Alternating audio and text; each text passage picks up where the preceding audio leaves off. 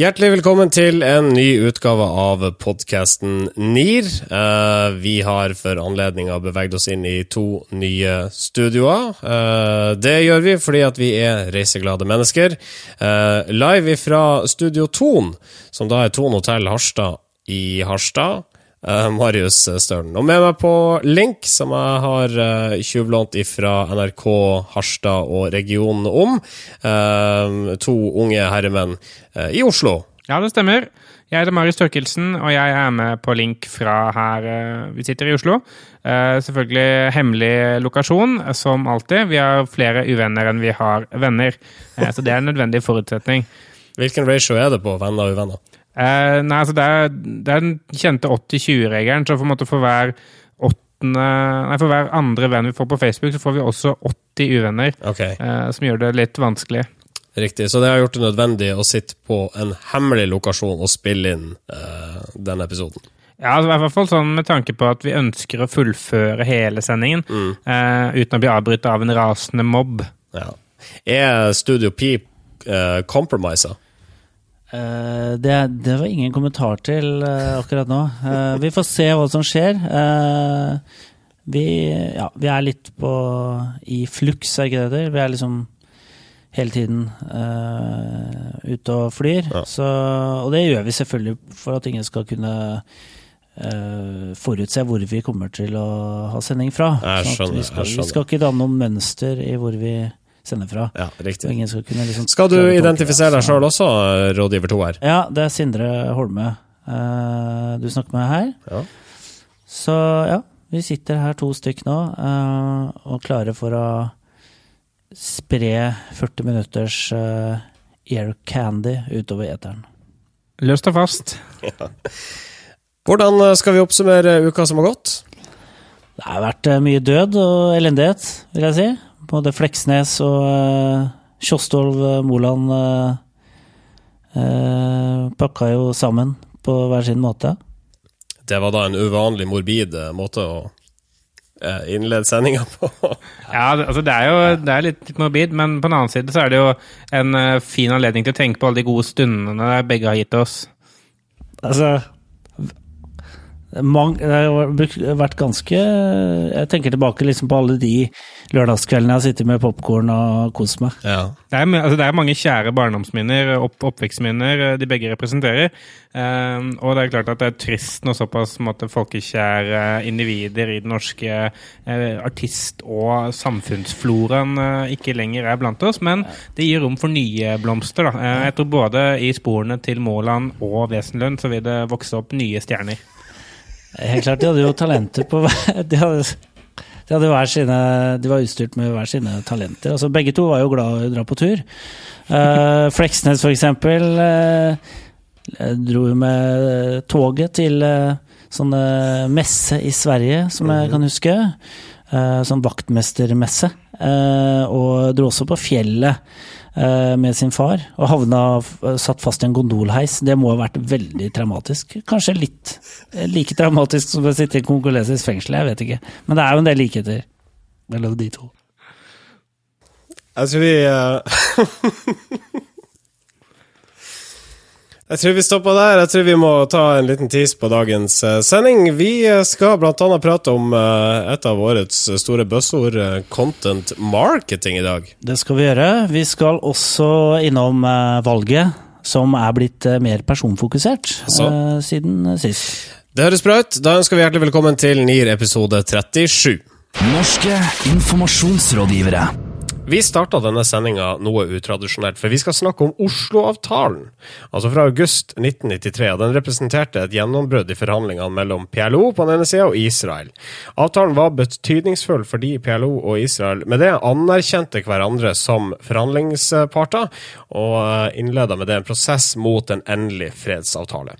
Og for Norge så har rollen som forhandlingsleder vært et viktig verktøy i brandinga av landet som fredsbyggende nasjon.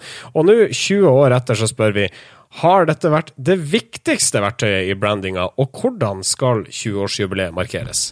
Ja, altså Oslo-avtalen eh, er jo eh, en litt sånn mytisk størrelse i norsk eh, historie. Det er vel det største som har skjedd nasjonsbyggingen siden Gutta på skauen og Kjakan uh, Sønsteby. Jeg er prøver liksom- også å hjelpe en som ikke var så gammel i 1993, å forstå hvordan dette her har bygga nasjon. Altså, det å skape fred mellom PLO og eh, Israel, eh, det var et helt umulig prosjekt inntil eh, Oslo-avtalen eh, kom opp. Eh, det var jo eh, Forhandlingene rundt Oslo-avtalen eh, var jo forbundet med mye mystikk. altså Veldig få visste hva som egentlig foregikk. Eh, men den ble jo lagt fram da i Washington etter forhandlinger og enighet i, øh, i Norge, så ble lagt fram i Washington. Og Bill Clinton var da eh, host da, eh, for en undertegnelse av avtalen, som da skulle føre til eh, reell fred i Midtøsten. Sånn at Norge var en ble sett på som en sånn tilrettelegger for fred. Og det utgjorde på en måte startskuddet for Norge som fredsmegler rundt, omkring, rundt omkring i verden. Eh, og Norge hadde jo fra før av eh, Nobels fredspris. eh, og liksom tenkte at her har vi mulighet til å fremstå som fredsnasjonen. Det er liksom det vi kan Det kan være vår rolle her i verden, da. vår, vår hylle i livet, for, for å si det sånn. Og det er klart at selv om dette var viktig, så er det sånn når jeg leser det nå, så virker det litt sånn uh, som om denne avtalen ikke var en fredsavtale, men mer sånn et tilsagn om fred. Uh, litt sånn alle det der tilsagn om tilskudd vi hadde før. For det var mer sånn avtale om å faktisk gidde å snakke sammen. Uh, for å kanskje komme fram til et veikart som kanskje en gang skal lede til fred. Uh, men det, det som er interessant, er jo det at det er tiårsjubileum i år, og vi er interessert i måte, hvordan det kommer til å markeres. da. Om det er noe som kommer til å pushes også. En ting er i Norge og at det markeres her, men også internasjonalt. da. Er det, er det noe som er verdt å markere for Norge sin del? Jeg tror det er sånn at det er et gigantisk sånn impact i verdenshistorien, på en måte. Uh, og jeg tror det at på mange måter så er det en fin måte å kanskje få snakke om noe annet enn fjord og fjell på uh, internasjonalt. Eh, og at man kanskje kan skule til andre konflikter i verden der hvor man ser kanskje vi kan spille en rolle der også.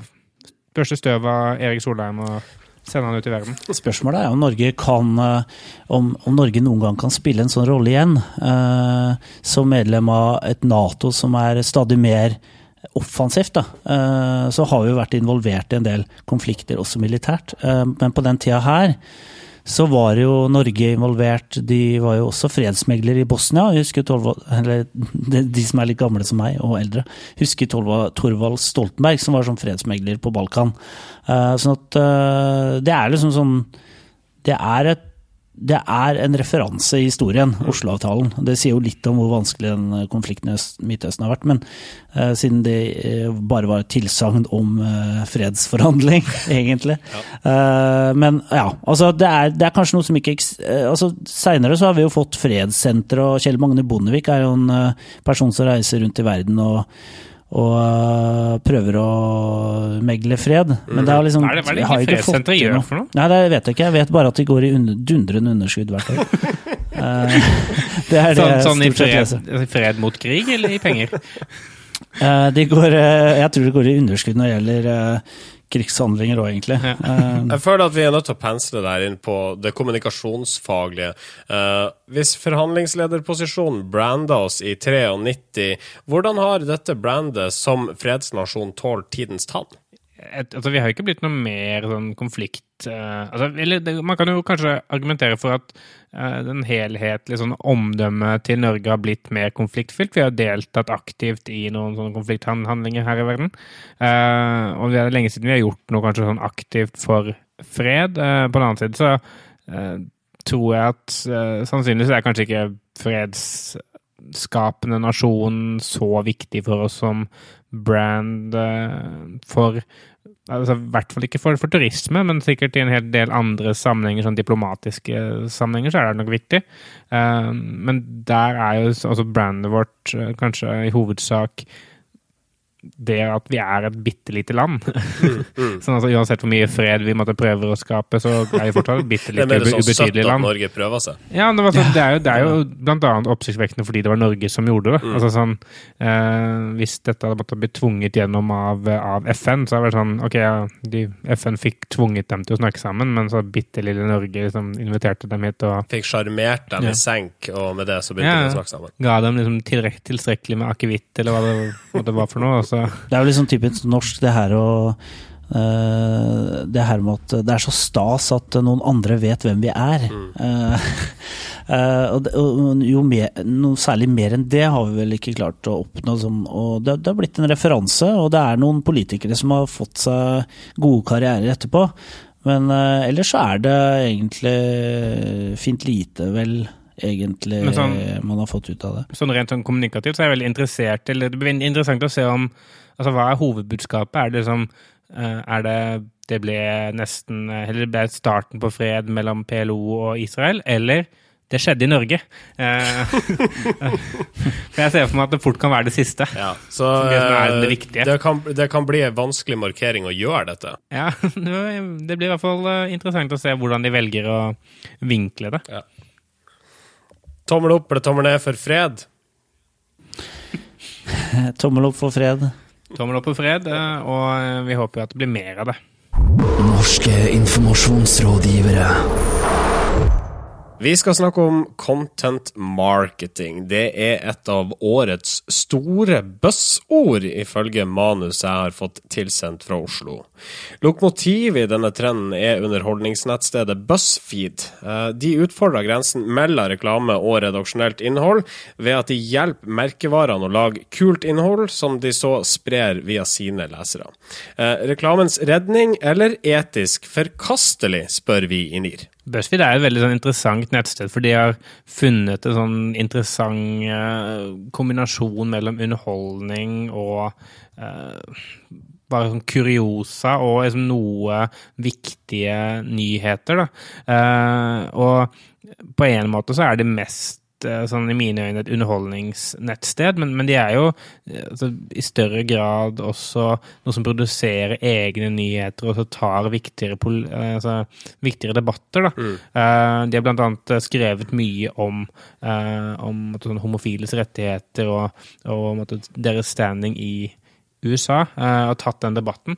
Eh, som de også kan gjøre fordi de er et relativt sånn uavhengig nettsted. Men på den annen side så er det jo eh, kommet fram at de også er et veldig sånn annon annonsefinansiert nettsted.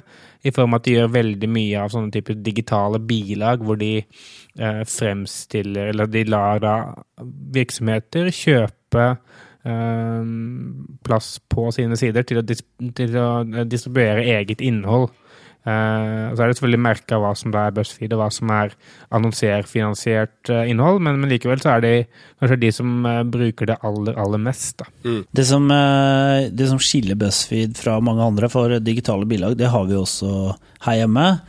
eh, Og brukes i stor utstrekning etter hvert også i Norge. Men eh, det som BuzzFeed kanskje skiller seg litt ut på her, det er at de, de er opptatt av at det innholdet som eh, produseres, som da er eh, kommersielt, at det også skal eh, få en spredningseffekt. Sånn at det hjelper eh, merkevarene å lage innhold som, som folk sprer. Da. Sånn Ja, men hvilken type inn, altså Er det BuzzFeed som utformer innholdet? ja, de hjelper de. De har et sånt program som, eh, man, som eh, kunden må gjennom for å lære seg hvordan man lager innhold som folk ønsker å spre. Eh, og det er her den store endringen er, for det gjør at det innholdet blir mer interessant for leseren. Fordi at det er i form og innhold så blir det litt på til, forveksling lik det redaksjonelle innholdet. Sånn at for eksempel så har Toyota eh, har jo en sånn eh, en sak her som de kaller for the, the coolest hybrid animals. Hvor de liksom spiller på det her med at de er, eh, de er eh, De har hybridbiler, eh, og her har du liksom 20 hybriddyr. hy hybriddyr, da. eh, som skal få oss til å tenke ja, så kule Toyota er. Ja, riktig. Og dette er skrevet på, altså, etter redaksjonelle prinsipper. Ja, men det er en sånn typisk sånn sak som, eh, som deles, hvor det som er 20 bilder av søte dyr uh, under hverandre. Blant annet uh, en kombinasjon av uh, altså et esel og en sebra, eller donkey og sebra, som da blir donkera. Uh, så er det bilde av, av en sånn av en blanding, da. Og det er altså Utover at det er måtte, hybriddyr alt sammen, og det er sponsa av Toyota, så er det ikke noe mer sånn Toyota-innhold i det. Eh, det er bare en typisk sånn liste som du ser over nett, og overalt på nett. Mm. Så til eh, debatten som vi da skulle ta. Reklamens redning eller etisk forkastelig? Hvor eh, står vi her, egentlig? Jeg syns det er veldig interessant at eh, sånn som digitale bilag fungerer i Norge. Da, du ser de der eh, digitale bilagene som ligger på VG, eksempel, hvor nå så jeg Frp har kjøpt et sånt digitalt bilag der. Eh, sånn 'Hvorfor stemmer Frp?' Les den spennende saken her. Um, de bidrar jo ikke akkurat til å styrke sånn VG sin merkevare. Det er bare sånne ting som man ikke trykker på, men scroller forbi fordi man ser at det er der. Med mindre det er superrelevant. Eh, For BuzzFeed sin tilfelle så er de digitale bilagene helt i tråd med det de selv gjør. og De digitale bilagene bidrar faktisk til å styrke BuzzFeeds merkevare igjen, som igjen styrker de digitale bilagene. Så det er en ganske sånn god sirkel. Mm. Så for mediehusene så er det jo Um, så er det jo en veldig bra ting å klare å gjøre. En vinn-vinn-situasjon, dette her. Ja, det er en veldig Ja, vinn-vinn-situasjon, men for vi som leser det, så er det jo Altså, En ting er når det er harmløse dyr, eh, en annen ting er når det er viktigere saker. Eh, så det er interessant å se måte, hvilket sånn etisk regelverk de har å forholde seg til. måte, hva slags type innhold som faktisk slipper til. da. Ja, og, ja, og det, er- det er jo den umiddelbare effekten som uh, Torkelsen snakker om. Ikke sant? Du, du føler at når du er inne på siden, så er det ja, her er det en del artige saker man kan lese. Og til og med de eh, sakene som er sponsa, som er tydelig markert, de oppfattes også sånn i utgangspunktet som ja, dette er noe jeg kunne tenke meg å lese, selv om det er en annonsør som står bak. Uh, og det er jo, det er jo nettopp det uh, Marius sier, liksom, at det her er jo faktisk med å styrke BuzzFeed. Det er relevant, interessant innhold, fordi BuzzFeed har hjulpet til at det skal bli i tråd med liksom, profil. Men kan man ha troverdighet til et nyhetsmagasin der man blander det kommersielle og det redaksjonelle om hverandre, selv om uh, disse sakene merkes? Ja eller nei? Jo, jo, jo ja, det tror jeg. For det, på en måte så er, ikke dette noe annerledes enn reklame i, i, i et printmedie. Altså, nyhetsaviser selger reklameplass, og så eh, i, i BuzzFeeds tilfelle så hjelper de da annonsørene til å fylle den reklameplassen med noe folk syns er kult. Uh, og det er på en måte en, en vinn for BuzzFeed, for de får bedre altså mer attraktiv reklameplass. Det er en uh, seier for annonsørene, fordi de får eh, altså, reklamer som blir delt mer. Og for leserne er det også en, en bra ting hvis man forutsetter at det kommer til å være reklame der uansett. Det kan, det kan så godt være reklame som at det er morsom, da, eller som, eller som er bra. Ok. Uh, på bakgrunn av det resonnementet, da, skal vi gi en eh, tommel opp eller tommel ned for eh, BuzzFeed sin content marketing-strategi her? Jeg tommel opp. Jeg er helt enig. Det er en bra greie. Norske informasjonsrådgivere. Eh, Vi skal innom valget igjen, det nærmer seg jo nå. Eh, En av de tingene årets valgkamp har vært prega av, er kampen mellom Erna Jens, som da kjemper om jobben som statsminister i dette land. Og I disse dragkampene her så er det menneskene Stoltenberg og Solberg vi møter, gjerne. Og Det å fokusere på personene heller enn politikken kan se ut til å være en gjennomgangstone under årets valgkamp. SVs Inga Marte Torkelsen har jaggu meg fått seg sin egen nettside, hvor hun kommer med følgende oppfordring. Stem på Inga Marte. .no. Har valgkampen blitt for personfokusert? Den har i hvert fall eh, gått i den retningen de siste ukene, syns jeg. Eh, det har vært veldig mye snakk om blokker og, og om vi får en blå-blå eller eh, venstreblå Nei, sentrumblå regjering eller rød-grønn osv. Men nå er det mye snakk om personer, eh, og kanskje har det litt med at eh, i en valgkamp så kommer forskjellen på de politiske partiene bedre til syne. Etter åtte år med en koalisjon hvor parti, veldig, altså de tre partiene som har styrt, har liksom måttet inngå veldig mange kompromisser, så begynner kanskje folk bli også litt usikre på egentlig eh, hvorfor skal jeg stemme et parti eh, foran eh, det, det, andre, eh, siden de eh, på en måte snakker om mange av de samme tingene, og at vi eh, ja, det er vanskelig å se forskjeller, da. Og det er lettere å se forskjeller på personer enn på partier. Kanskje det er derfor. Ja, jeg, jeg, tror det at dette er jo ikke noe som bare er noe som er initiert av personene selv. Altså, de har en egeninteresse i, i, i, å gjøre det sånn, i å få fronta seg selv, fordi det kan hende at de også får noen stemmer fordi folk endrer nominasjonsrekkefølgen på sedlene. Men jeg tror også at det er noe partiene har ønsket å gjøre, da, å kjøre dem frem. Og kjøre frem enkelte sterke personligheter som skal representere noen av sakene til partiet. Mm. Det som er interessant, er det at jeg husker fra den tiden jeg gikk på BI og tok et fag som het politisk kommunikasjon. Da eh, var vi nødt til å lese litt sånn litteratur om dette. Blant annet en bok av Bernt Årdal, som er en ganske sånn kjent valgkampforsker. Og han, han sammen med sine forskerkolleger han, han, har gjort et studie på dette med liksom, personeffekter. Altså hvorvidt enkeltpersoner egentlig påvirker partienes valgresultater.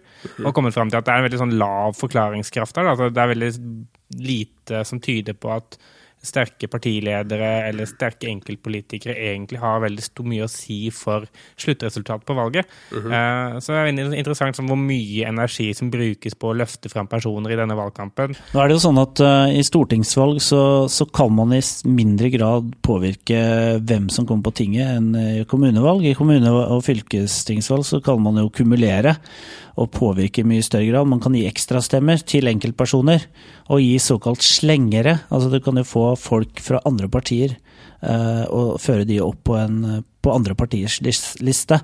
Uh, og det, det, systemet fungerer ikke like godt uh, i et stortingsvalg. og det tror jeg egentlig folk flest ikke er klar over, at det er forskjell på det. så men, men politikerne bør være klar over det? Politikerne bør være klar over det. Men, uh, Men sånn som med den stemmingamarte.no-siden, så er jo det Den er jo uh, oppretta av bl.a. Magne Raundalen, som er barnepsykolog, som mener Inga Marte Torkelsen har gjort en kjempejobb som, uh, som barneminister. Og det er det jeg syns er et fint initiativ, og det er jo egentlig mer en slags hyllest til Inga Marte Torkelsen enn eh, en eh, kioskvelter, eh, hva skal jeg si, valgbodvelter. Så dette er ikke noe som Inga Marte Torkelsen har fått rigga på egen hånd, dette er noe tredjeparts nettside? Det er en tredjepartsnettside, men hvis du, går inn på, eh, hvis du skal ta, gå inn på kontaktinformasjon på bloggen, så går det an å kontakte rådgiveren til uh, Inga Marte Torkelsen da, via bloggen. Så, ja. så, det er nok et er samarbeid, men uh, hun, er nok, hun, er nok, klar over det. Ja. Hun har også tatt, eller denne siden eventuelt, da, for å holde henne utenfor all skyld, har også tatt beslag på hashtaggen Hashtag 'den beste dama'. Altså, det, det, nå, nå, tror jeg Inga Marte Torkelsen er et litt spesielt tilfelle. For jeg tror at i, som barneminister så kan man sette sitt preg på politikken på en litt det er lettere enn som en olje- og energiminister, eh, f.eks. Der tror jeg ikke du har like eh, stort handlingsrom. Altså, da kommer partipisken kjapt hvis du begynner å ta egne initiativ og uh, kjøre soloutspill. Ja, men nå er det jo en gang slik at vi stemmer jo ikke på personer, og folk som stemmer på f.eks. SV, må vel kunne anta at politikken SV fører er den samme, uavhengig av hvorvidt det er Inga Marte eller en annen Eh, person som innehar en eller annen minstepost? Ja, jeg tror ikke det. Altså, akkurat i det tilfellet her så tror jeg folk har, mange har sett forskjell, for den har vært veldig frittalende. Og faktisk også kommentert enkeltsaker, noe som vakte ganske stor oppsikt i starten. Hvor hun gikk inn i enkeltsaker og egentlig eh, blanda seg, mente mange, eh, i altså, en måte som en politiker ikke pleier å gjøre. Uh, så jeg tror mange ser på henne som en uredd uh, forsvarer av barna, da, uh, for å være veldig grei. Jeg tror sånn avslutningsvis at det er noe i det at det sannsynligvis er lettere for folk å forholde seg til personer enn en partier. Og det er sånn, kanskje spesielt eh, i sosiale medier eh, og i digitale medier så er det en grunn til at alle politikerne har eh, egne Twitter-profiler og egne Facebook-sider og egne nettsider. fordi det gjør det veldig mye lettere for folk å forholde seg til dem, men på den måten også komme i snakk om, om, om partiet de representerer. Eh, og så tror jeg også at det er mye i det at det er langt likevel fra det å like en person til å like et parti, eh, og like holdning, noen av holdningene til en person og det å like et parti. Eh, så jeg, det er veldig sånn usikker, veldig interessant å se om det, om det kan gi noe beviselig utslag i det endelige resultatet. Eh, nå mener jo Hans Gelmeden at uh, valgkamp ikke hjelper uansett, så det, sant, kan, det. kan det hende at uh, alt er fåfengt. Vi får uh, la Hans Gelmyden ha den meningen, og så får dere ta stilling til tommel opp eller tommel ned for person, ikke parti. Jeg sier tommel ned. Tommel ned. Det var det. Det var det. Det var det. Vi går videre. Nei, det skal du si, det. Vi går videre. Ni av ti nordmenn elsker Et representativt utvalg av nordlendinger viser at Sørlendinger mest skeptisk til Volvo. hordalendinger best i senga. Kvinner mest opptatt av mynt. Oppland på brokkolitoppen. Ukas undersøkelse. Og hjertelig velkommen til Sparta, som setter fokus på PR-bransjens best kjente hemmelige våpen, nemlig spørreundersøkelsen. Ja, det stemmer. Nå er jo sommeren over eh, så godt som, i hvert fall. Eh, Og de mange PR-byråene rundt omkring har børsta støvet av eh, undersøkelsesbazookaen de har hatt liggende i skuffen gjennom hele sommeren, og pepra eh, landets medier med undersøkelser. Og det ser vi også tydelig eh, i, eh, i måte, de sakene som har dukka opp denne uka. Mm, hvordan ser statistikken ut? er det litt beskjedent. Det det er ti saker den siste uka som er sånn, altså ti forskjellige saker. Da, så er det noen som blir gjengitt flere ganger. Men ti ulike sånn undersøkelsesbaserte saker. Eh, og det er, det er tatt ut alt som det er sånn valg, eh, valgrelatert stoff da, med, med partier. Så med det så er det jo i hvert fall tredobbelt. Ja. Du kan ikke ta med alle partibarometrene jeg ser den. Nei. Men du har funnet et par eh, undersøkelser som du har satt lupen på. Ja, altså Den e- ene er bare Den nådde ikke helt opp, for den er ikke, sånn, er ikke spektakulær, men den er veldig, sånn, veldig målretta mot et, best, et bestemt medie. Uh, altså Mediebyggfakta.no, som uh, skriver det at uh, håndverkere plages av støv. Åtte av ti norske håndverkere de plages av støv på arbeidsplassen. Det kommer frem i en undersøkelse gjort av Bosch eh, Professional. Eh, og tilfeldigvis så har eh, Bosch et ganske sånn, eh, eller et svært effektivt støvsugersystem. Og det reduserer støv på arbeidsplassen betydelig. Eh, og det heter click and clean. Flaks, vil jeg si. Dem reklame her også. Og, og så Neste sak, eller den som har vunnet, da, som er virkelig god, den har jeg bare lyst til at dere skal, dere skal få ett forsøk hver på å prøve å gjette hvem som står bak. Ja. Eh, overskriften er eh, 'Prioritere sex fremfor festing'. Dette er Radio Haugaland som melder. Eh, de melder at vestlendinger har heller sex fremfor å ta en fest i ferien. Kun 4% prioriterte en fest. Hele 26% sier at en runde i bingen kommer høyt opp på ønskelisten. RFSU. Det var det jeg ville vil si. heter du, Marius? Uh, da sier jeg kondomeriet. Dette er Electronic Arts som står bak. What? OK, forklar sammenhengene. Altså, de, altså, Electronic Arts er jo et stort sånn, spillselskap som står bak bl.a. Fifa-serien, og de står også bak, bak The Sims-serien. Eh, og nå lanserer de en utvidelsespakke til The Sims 3. Uh, med en. Og det er en utviklingspakke som heter Øyparadis, eh, hvor da du kan sende simmene dine på ferie til et øyparadis. Okay. Så det de har gjort, er å lage en undersøkelse hvor de spør nordmenn eh, hva vil du helst gjøre på ferie. Og folk vil ha sex. Ganske langt unna produktet. Altså ikke så produktet. Det er lang vei. Ja, Seks celler, da. Eh, Seks celler, Selv om de ikke har en dritt med det du skal fortelle og gjøre. Nei. Eh, men det var kun i Radio Haugaland uh, Blekka de eh, fikk den her oppmerksomheten. Ja, så det er kanskje de det eneste som det fortsatt selger hos. Det er så bra. Altså, vi må jo få Retriever som eh, sponsor. Jeg har, vi har, uten Retriever så hadde vi vært eh, ingenting. Hadde ikke vært noe ting. Jeg hadde ikke hatt noen spalter.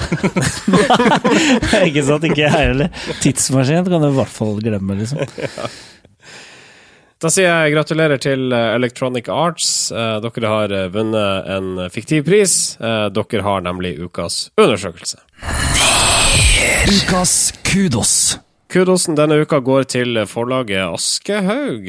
Hvorfor det, Sindre Holme? Jo, Aschehoug er eh, en av de store forlagene våre.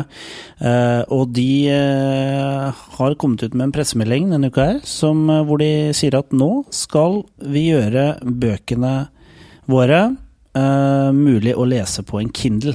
Uh, Amazon har jo disse lesebrettene som heter Kindle, som er verdens mest populære lesebrett, og som mange nordmenn har. Uh, og forlagsbransjen har jo vært kritisert i flere år nå for å være bakpå, og for å ikke tilgjengeliggjøre bøkene sine elektronisk.